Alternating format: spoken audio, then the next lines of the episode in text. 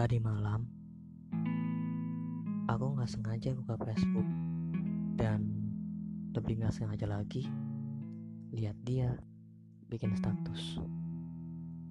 Statusnya tuh kayak gini. Jangan mengulangi kesalahan yang sama. Cobalah ulangi kesalahan yang lain yang masih bisa dicoba. Di situ aku langsung ketawa. Itu semua kalimat yang aku buat khusus untuk dia. Pas dia waktu dia ulang tahun. Dua tahun yang lalu. Dia bilang, kenapa ulang tahun itu setahun sekali? Dan kenapa mesti dikasih kejutan? Aku bilang, kesalahan itu sama kayak ulang tahun. Hanya sekali yang bisa kita lakukan. Dan jangan untuk diulang lagi cukup sekali aja. Kalau mau mengulang coba kesalahan yang lain. Dan dia ketawa. Manisnya. Lalu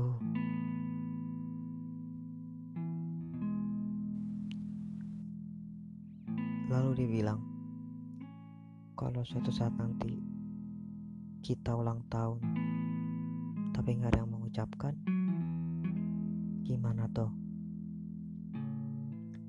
Aku jawab, di mana pun kamu,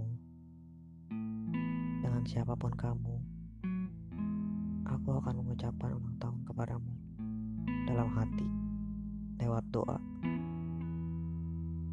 Dia tanya kenapa? Lalu aku jawab,